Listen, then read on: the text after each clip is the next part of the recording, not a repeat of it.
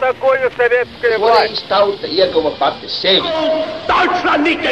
Liktenīgas nejaušības un slēptas likumsakarības, subjektīvas patiesības un objektīvi aizspriedumi.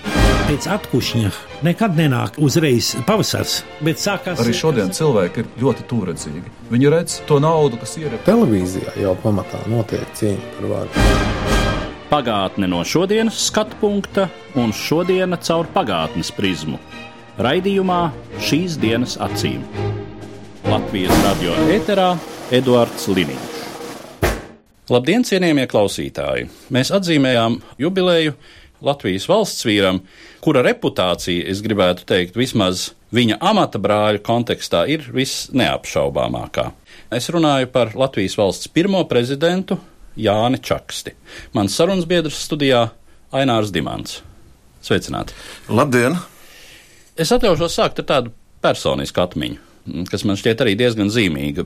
Mana ķīmijas skolotāja, toreiz Rīgas 49. vidusskolā, aizveda specializēto ķīmijas klasi laboratorijas darbu vietā ekskursijā uz meža kapiem.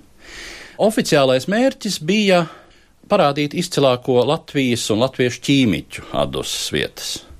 Bet um, skolotāja Tamāra Franka, piebildīsim pēc tautības ebrejiete, tā kā nejauši noveda garām arī Zikfrīda Annas Meirovica piemineklim, un pēc tam tā ļoti loģiski atgriežoties, jau ejot uz tramvaju pieturu, mēs gājām garām tādai pakroplu kociņu rindai, aiz kuras bija samanāmas liela gaiša akmens pieminekļa aprises. Gan neapstājoties, jo cik tālu tajā alejā bija arī koka būdiņa, kurā pastāvīgi uzturējās milicis. Frankas kundze, nu, skolotāja Franka, kā viņa toreiz bija jāsauc, pieminēja, ka, nu, lūk, šeit atdusas Latvijas pirmais prezidents Jānis Čakste, kā viņa tā arī it kā starp citu izteicās, un tas kapiņš vienmēr ir apkopts, laikam kādi radinieki. Viņam vēl ir dzīve, kas to dara. Tas man šķiet ļoti zīmīgi, jo, nu, protams, ka daži jau no klātesošiem arī zināja, ka, ja Čakstam ir kādi radinieki Latvijā, tad viņi visdrīzāk to neafišē, un um, ka droši vien to dara ne tikai radinieki. Es nevaru teikt, ka man tā bija pirmā dzirdēšana par Jānu Čaksti, jo es jau aizrautīgi tobrīd šķirstīju pirms kara Latvijas laika dažādas preses izdevumus, bet dažiem maniem klases biedriem es domāju noteikti. Es domāju, ļoti daudziem īstenībā cilvēkiem ir šādas atmiņas, ir sevišķi rīdziniekiem, arī studentiem, kas kādu laiku studiju gados dzīvoja Rīgā. Es domāju, tādā ziņā Jānis Čakste noteikti daudziem latviešiem, daudziem Latvijas ļaudīm ir, ir kļuvis par neatkarīgās, un ne tikai neatkarīgās, bet arī demokrātiskās un tiesiskās Latvijas valsts simbolu. Un vēl vairāk, es domāju, šodien mēs pat mazāk varam runāt par simbolu. Es domāju, mēs vairāk pat varam runāt par orientieri. Kā jau tika teikts, gan tajā prezidentu ierindā, gan vispār politiķu ierindā, es domāju, būtu ļoti labi, ja vairāk orientētos uz Jāni Čaksti kā uz pirmo prezidentu, respektīvi šīs ierindas galā, lai šī ierinda būtu taisnāka, teiksim tā. Tagad acīm redzot, ir vietā pievērsties Jāņa Čakstas personībai un varbūt skatoties tieši caur to prizmu, kāpēc tad Jānis Čakste, tajā brīdī, kad Latvijas prezidentūra kā institūcija tappa un šais pirmajās vēlēšanās satversmes sapulcē to brīdi, kāpēc tieši viņš kļuva par pirmo Latvijas prezidentu? Es domāju, ka Jānis Čakste savā veidā bija politiķis ar vislielāko demokrātisko pieredzi. Ne tikai tādā ziņā, ka viņš pats bija darbojies demokrātiski, bet tādā ziņā, ka viņam tiešām, ja mēs salīdzinām ar tā laika politiķiem, kas bija Latvijas valsts dibinātāji, viņš bija baudījis jau arī tautas mandātu. Viņš bija reāli vēlēts gan kā deputāts no kurzemes, ap citu viņš nekad sev nesauc par zemgalieti, bet par kurzemnieku. Un Jēlgava kā lielās kurzemes galvaspilsēta, teiksim, kurzeme līdz Baltkrievijas robežai, ja? kas toreiz bija arī kurzemes gubērņa, kurzemes kecugists mantinieks, vai ne? Tātad viņš bija jau ievēlēts pirmajā Krievijas parlamentā, toreiz pirmajā valsts domē. Viņš ir arī sēdējis cietumā par Viborgas uzsaukuma parakstīšanu, tad, kad cars atlaida Krievijas doma, viņš bija konstitucionālo demokrātu frakcijā, tā sauktie kadeti, un faktiski viņš palika konstitucionālais demokrāts būtībā arī līdz galam, kā Latvijas satvērsmes sapulces priekšsēdētājs. Un nākamais, viņš jau tika arī ievēlēts par bēgļu centrālās palīdzības komitejas priekšsēdētāju. Tā jau arī bija organizācija, kur notika vēlēšanas, un tā bija ļoti svarīga organizācija, jo vismaz trešdaļa no latviešiem atradās bēgļu gaitās Pirmā pasaules kara laikā. Tad viņš tika arī ievēlēts par kurzemes gubēnas komisāru Tartu. Tas jau bija Kerenska valdības laikā. Ja mēs tā salīdzinām, kuram tad vēl latviešu politiķiem bija šāds mandāts, kurš varēja ar to lepoties? Protams, arī dzīves pieredze. Protams, arī zināšanas starptautiskās tiesībās, kā juristam, un arī piedalīšanās, ko es vēl nepieminēju, Latviešu Nacionālās padomjas darbā, kas pirmā deklarēja Latvijas neatkarību, un kas arī panāca Latvijas de jure atzīšanu vēl pirms 18. novembra. Tālūk, tā kā es domāju, tā nekādā ziņā nav nejaušība. Tieši savas autoritātes, pieredzes dēļ, tad arī Čaksta kļuva par pirmo prezidentu. Droši vien, ka ir vērts pieminēt arī vēl to aspektu Čakstas biogrāfijā, ka viņš jau tobrīd ir salīdzinoši gados vecs cilvēks, un viņam ir kā toreiz jaunam studentam bijusi iespēja savulaik sastapt pirmās latviešu atmodas tēvus un aizsācējus. Jā, ir tāds ļoti zīmīgs notikums, tad, kad Čakste ierodas Maskavā. Viņš iestājas Maskavas Universitātes juridiskajā fakultātē, kas ir plašs īstenībā visā pasaulē zinām kā liberālismu citadela tā laika cara Krievijā. Tas ir, starp citu, arī ceļvežos par Maskavu. Joprojām norādīts, ka, lūk, apskatiet veco Maskavas universitāti, tā bija tā liberālismu citadela. Tad viņš sastapa Maskavā Krišānu Valdemāru, sastapa Frici Brīvzemnieku, Jākabu Velmi. Tur jau Maskavā arī tika izdots žurnāls Austrums, un 83. gadā Pēc Jāņa Čakas iniciatīvas Maskavas latviešu studenti pulcējās atsevišķi no Maskavas latviešu vakariem un izveidoja to, ko sauc par Maskavas latviešu studentu vakaru, kas tagad ir akademiskā vienība Austrums. Un viņam arī pieder slavenais teiciens, ja rīko, tad rīko skaisti. Un tika rīkots kopā ar Krišānu Valdemāru, ar Frici Brīvzemnieku un Jēkabu Velmi, kuri deva savu svētību šai organizācijai. Sevišķi jau Valdemārs un Velme, kā toreiz teica, studēti cilvēki, atšķirībā teiksim, no brīvzemnieka, kas arī mazliet radīja to nošķiršanos, jo studenti tomēr, kā jau tas ir pieņemts akadēmiskajās mūža organizācijās, uzsver tieši šo studētības aspektu, ja tā var nu, teikt. Un es domāju, tas ir ļoti būtiski, ja ka Jānis Čakste faktiski toreiz, kad viņu ievēlēja par tautas padomus priekšsēdētāju, par uh, satvērsmes sapulces priekšsēdētāju, par valsts prezidentu divās vēlēšanās, viņš tiešām nevis pēc formas, bet pēc būtības piederēja latviešu sabiedrības intelektuālai elitei, un toreiz augstākā izglītība to nozīmēja.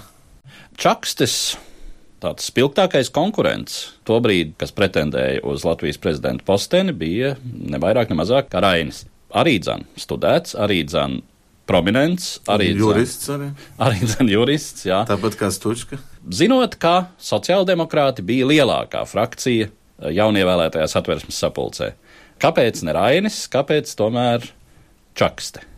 Nu, pirmkārt, jau ar to nepietika, kaut arī bija lielākā, bija vajadzīgs atbalsts arī no citām frakcijām, lai ievēlētu prezidentu, bija vajadzīgs saimnes locekļu vairākums. E, es domāju, ka Čakste ar savu mērenību, tā varētu teikt. Es neteiktu, ka viņš būtu izteikts konservatīvais politiķis, un nevarētu arī teikt, ka viņš būtu izteikts liberālais politiķis. Viņš diezgan tālu stāv no abām tādām galējām nometnēm. Es domāju, ka viņš bija tas, kas nevis polarizēja, bet daudz laika biedri atcerās, ka viņam bija spējas vienot. Un vienot tieši nevis ar dūri, nevis kā vadonim ar lielo burtu, bet kā līderim, aiz kuras sekoja, kurš prāt iedvesmot un kurš varēja palīdzēt atrast risinājumus, kas apmierināja dažādas puses, kas īstenībā ir ļoti svarīgi tādā demokrātiskā veidā atrodot risinājumus. Un es domāju, ka tas vilināja. Plus vēl tas, ka es saprotu arī milzīga autoritāte tautā un ļoti liela popularitāte, un kas izrietēja tieši no tā, ka, lūk, atšķirībā no daudziem politiķiem, it sevišķi jau arī tajā pašā Zemnieks savienībā, ko tur liekties nav vērts, kuri bija saistīti ar tās augtajiem veikaliem un ar darījumiem, kas nodrošināja arī finansējumu partijām, tad tiešām tas ir arī uzsvērts tālāk presē, ka Čakste darbojās nesautīgi, un viņš nebija nekādu mantu iekrājis savā politiskajā darbībā. Tā kā viņam tiešām bija arī autoritāte, es domāju, ka viņa ievēlēšana noteikti arī bija svarīga no pašas valsts autoritātes viedokļa. Jo jāatcerās, ka laika bija pietiekami sarežģīti arī.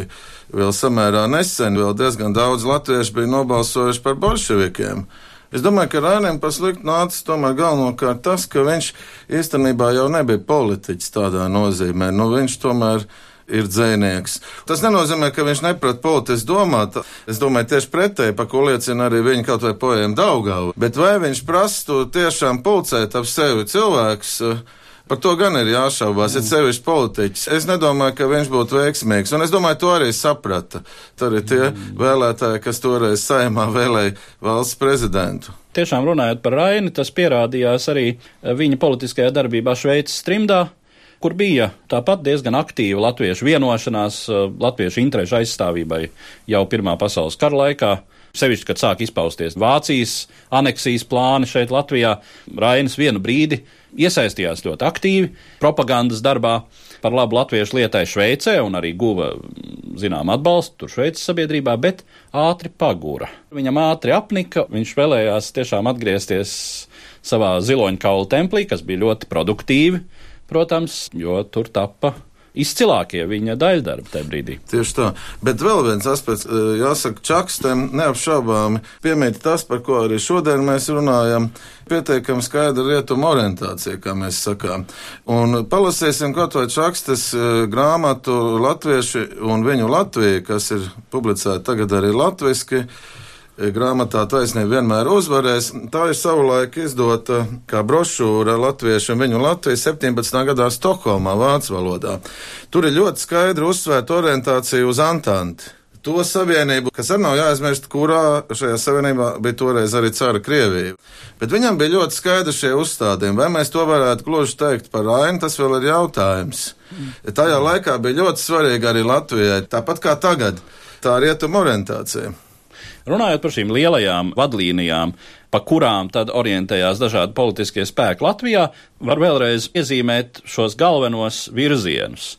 Tātad viens virziens, kas ir pro-bolševistiskais, ko pārstāv Stučka, Latvija kā tilts Krievijas bolševismam uz Eiropu, Otrs ir latviešu mērenie sociāldemokrāti, kuri vismaz vienu brīdi ļoti cerēja, ka viņiem izdosies labi sadarboties ar saviem kolēģiem Vācijā, kas tobrīd bija pie varas jaunajā demokrātiskajā Vēmāras republikā, bet izrādījās, ka vācu sociāldemokrāti labāk ir gatavi saprast uh, Baltvācu baronu nekā latviešu sociāldemokrātu savu kolēģi. Bet bija, protams, arī pretējais.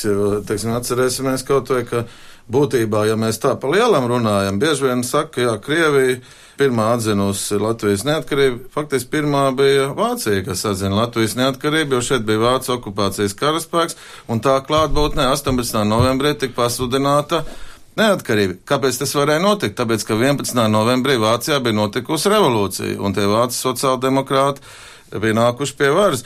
Tas bija arī iemesls savā ziņā, kāpēc tautas padomē tika iesaistīti sociāldemokrāti.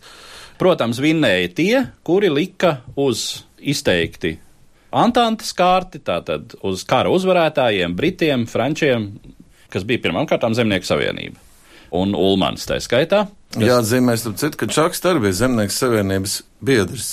Vēlāk viņš tika pietuvināts demokrātiskam centram, bet nu, par partijas biedru viņš arī nekļuva. Bet, jāsaka, no Zemnieku savienības viņš atsvešinājās lielā mērā Ulmaņa dēļ. Jā. Viņam nebija pieņemams Ulmaņa autoritārais stils, un es domāju, arī tas domāšanas veids bija ļoti atšķirīgs viņiem. Jā, bet runājot par šiem starptautiskiem orientieriem, tur viņi bija ļoti līdzīgi. Jā. Ļoti līdzīgi. Un arī, starp citu, ja mēs runājam par Ulmani, sevišķi Ulmani 1918. un 1919. gadā, līdzīgas jau bija arī viņu domas par to, kā ir jāveido Latvijas valsts.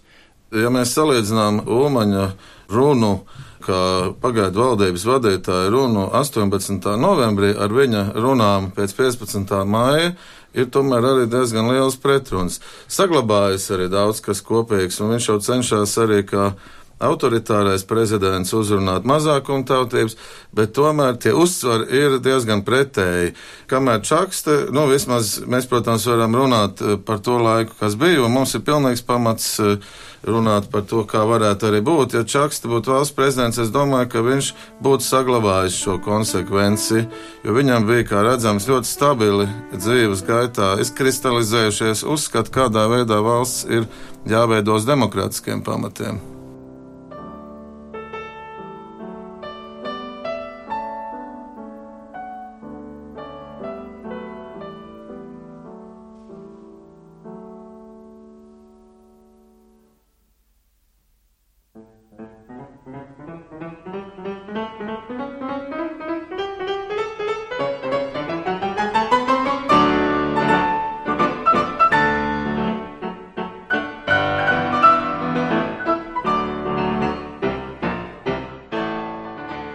Mūsu šodienas saruna veltīta pirmajam Latvijas valsts prezidentam Jānim Čakstem. Mans sarunbiedrs studijā - publicists Ainārs Dimants.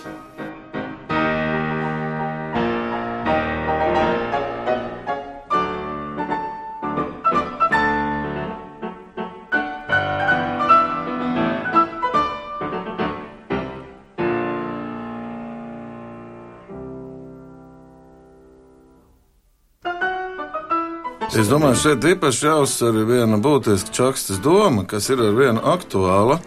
Viņš vienmēr uzsver satversmes sapulces lomu. Jā, 18. novembrī sanāca politiskās partijas un pasludināja Latvijas republiku, bet tikai Latvijas tauta savā brīvi vēlētā satversmes sapulcē bija tā, kas šīs pašnoteikšanās tiesības īstenoja, un vēl mums satversmes preambulā ir teikts, Latvijas tauta ir nolēmusi sev šādu satversmi. Tā bija tā iestā pašnoteikšanās, un tāpēc arī Čakste vienmēr uzsver satvērsmes sapulces sanākšanas dienu, 1. māju, kā ļoti svarīgu 20. gadā, ka tā ir tā iestā vieta, kur konstituējās Latvijas republika. Runājot par Čaksti kā par prezidentu, mēs jau saprotam, ka viena lieta ir tas, kas ir likuma burtā ierakstīts, un tas, ko satvērsmes tēvi ir iecerējuši un kā tas ir iedomāts. Bet nu, mēs redzam arī šī brīža pieredzē, cik ļoti daudz tomēr nosaka prezidenta personība. Tai attiecību musturī, kāds veidojas starp varas atzariem. Un sevišķi jau tādā brīdī, kad tas viss ir vēl tikai tik, tikko uzbūvēts, kad būtībā ir tā tiesiskā vai politiskās sistēmas čaula, bet tā ir jāpiepilda ar konkrētu saturu. Un šajā gadījumā prezidenta institūcijas tas pirmais satura devējs bija tieši Jānis Čakste. Cik lielā mērā Čakstas personība noteica to, kāda veidojās Latvijas prezidenta institūcija? Katrā ziņā Čakste darbojās satversmes ietvaros ļoti noteikti. Viņš cits starpā ļoti lielu vērību pievērsa bruņoto spēku darbībai, kā virspavēlnieks, arī ārlietām. Tas ir tiem laukiem, kuriem, es teiktu, arī vēlāk, ir tīpaši ārlietām, mūsu prezidenti ir pievērsuši iespējams vislielāko uzmanību. Tā kā viņš iedibināja tradīcijas, viņš arī redzēja, ka prezidenta pilnvaras viņa prāt nāktos arī paplašināt. Viņš bija faktiski jau to rosinājis un it kā gatavojās arī rosināt pēc savas otrās prezidentūras beigām, turpinot darbību publicistikā. Es domāju, kas bija ļoti būtiski, viņš iedibināja tradīciju, kas ir vispār raksturīga šādām institūcijām, prezidentiem, kuriem īstenībā ir apmēram tāds kā karaļa status, kuri nav valdība vadītāji. Viņiem ir tāda kā nācijas morālās autoritātes un simbola loma. Es domāju, ka to Čakste arī e, sekmīgi veids, ir tīpaši ar to, ka viņš e, pievērsās strateģiskiem jautājumiem. Te mēs runājam par tām domāšanas veidu atšķirībām starp Jānu Čaksti un Kāli Ulmanu. Nevienu no viņiem tagad nenoniecinot. Čakste bija strateģiski domājošs. Bet Ulmans tomēr drīzāk taktiski domājošs. Es te neuzskaitīšu visus tos piemērus, kas par to liecina. Nu, izcils taktiķis. Jā, izcils taktiķis, bet savukārt Čakste bija vairāk stratēģis, un tāds viens piemērs ir tēma, kas arī šodien ir ļoti aktuāla. Mēs daudz runājam par demokrātiju, un tas ir ļoti svarīgi, lai mēs varētu sekmīgi attīstīties, bet ne tikai demokrātija, bet arī demogrāfija ir svarīga. Un Čakste ir slavens ar to, ka viņam bija tas diskrēts lūgums mūsu tautietēm. Nu, viņš varēja ar tādu arī uzstāties, jo viņam pašam bija daudz bērnu, un viņš aicināja, lai katrai tautietē būtu seši bērni, un tad viņš bija izrēķinājis, ka Latvija varētu kļūt tiešām par valsti ne tikai ar samērā lielu teritoriju, nozīmīgu teritoriju Eiropā, bet arī ar daudziem latviešiem. Būtībā šis jautājums ir ļoti izšķirošs. Tagad faktiski tā retā reize vēsturē, ka nākotne lielā mērā ir pašu rokās. Mēs vienmēr esam runājuši bieži vien par izdzīvošanu, nevis attīstību. Tagad šī izdzīvošana ir nevis kāda cita rokās. Tagad šī izdzīvošana pamatā ir no demogrāfijas atkarīga. Un šos apstākļus mēs paši veidojam. Tajā ziņā jāsaka, ka Jānis Čaksts atziņas, lasot arī grāmatu, taisnība vienmēr uzvarēs te paša Čaksts vārdu.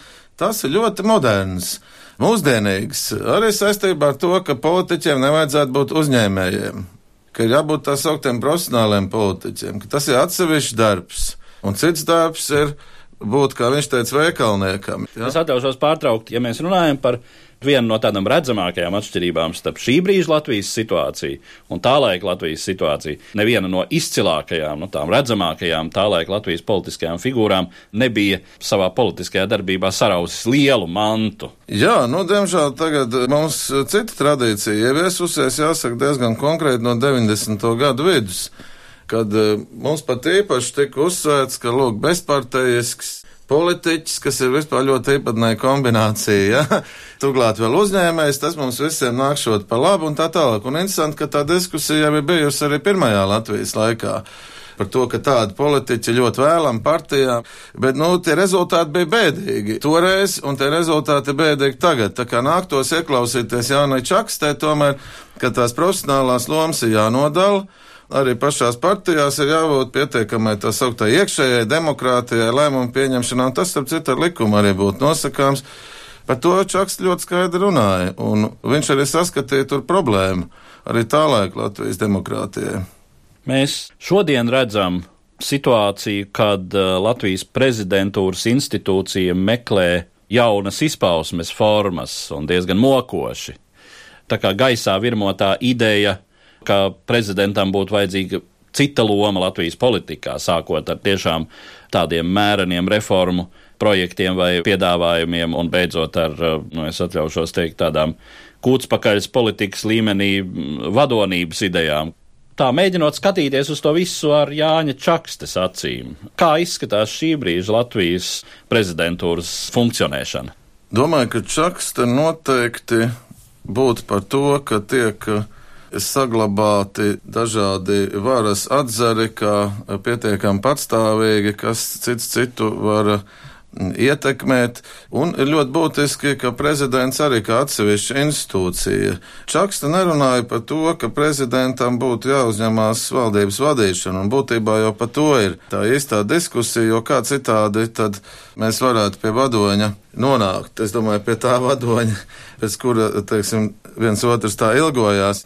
Mums drīzāk, es domāju, būtu jādomā par divām lietām, un Iespējams, ka Čakste arī tā to redzētu, par ko arī mūsdienās ir izteikušies ļaudis, kas precīzi zina politisko virtuvi, ka būtu īstenībā jāstiprina ministru prezidenta loma valdībā, Jo mums tomēr ministrs prezidents valdībā ir vairāk vai mazāk kā tāds viens no valdības locekļiem. Faktiski ministrs prezidentam vajadzētu būt tai stiprai personai izpildvarā.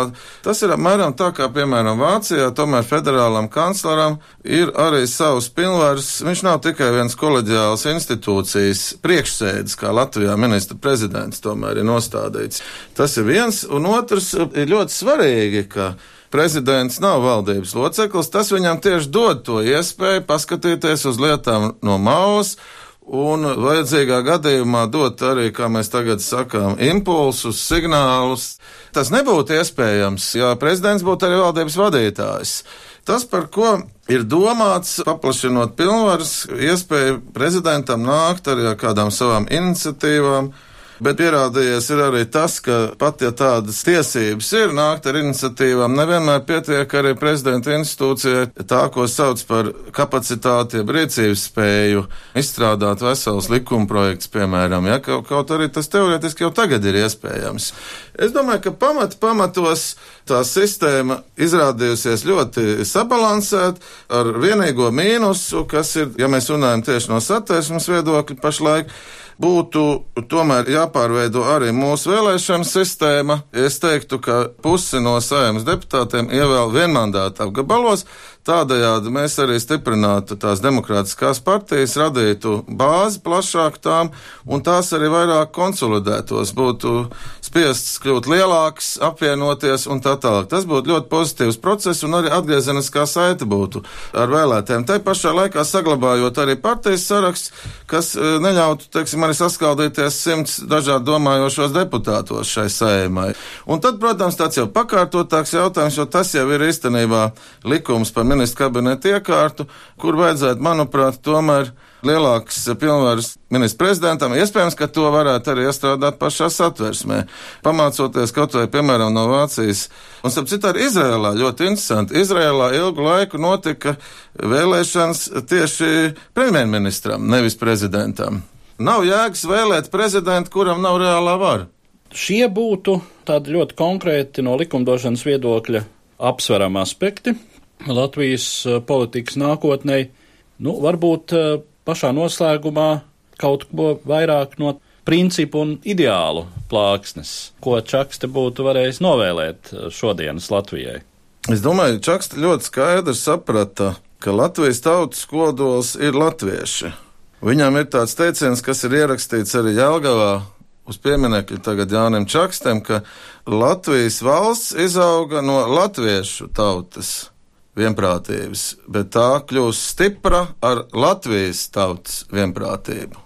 Saglabājot to latviešu vienprātību, tomēr arī panākt Latvijas tautas vienprātību. Katrā ziņā latviešiem kā zemniekiem šajā valstī ir arī jāuzvedas, un tas nozīmē uzņemties arī iniciātoru vadošo lomu, kādā veidā piesaistīt mazākumtautības, nevis ļaut ar tām strādāt, teiksim, no kaimiņu valstīm vai no lielās kaimiņu valsts pavisam konkrēti. Tā tad ir jāuzņemās pašiem arī tāda vadošā loma tādas politikas veidošanā, lai mazākuma tautības tiktu pieaucēts Latvijas valstī. Protams, tas nekad nav bijis viegli.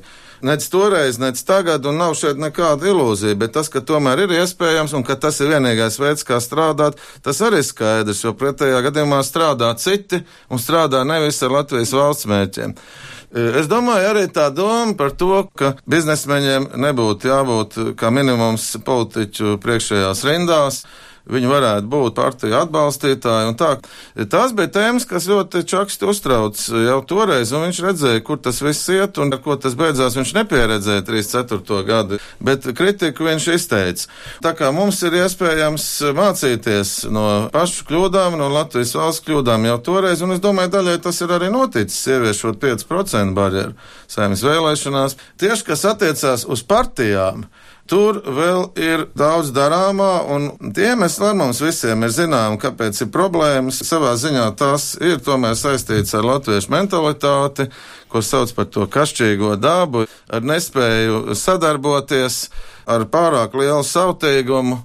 Tas viss bija arī toreiz, bet uh, tieši tādēļ arī Jānis Šakst ir izcils, ka viņš parāda piemēru, kā tās lietas tomēr var darīt demokrātiskā un tiesiskā veidā, un kā var sekmīgi darīt, un ka tieši tas ir tas ilgspējīgais ceļš, pie kur mēs esam atgriezušies.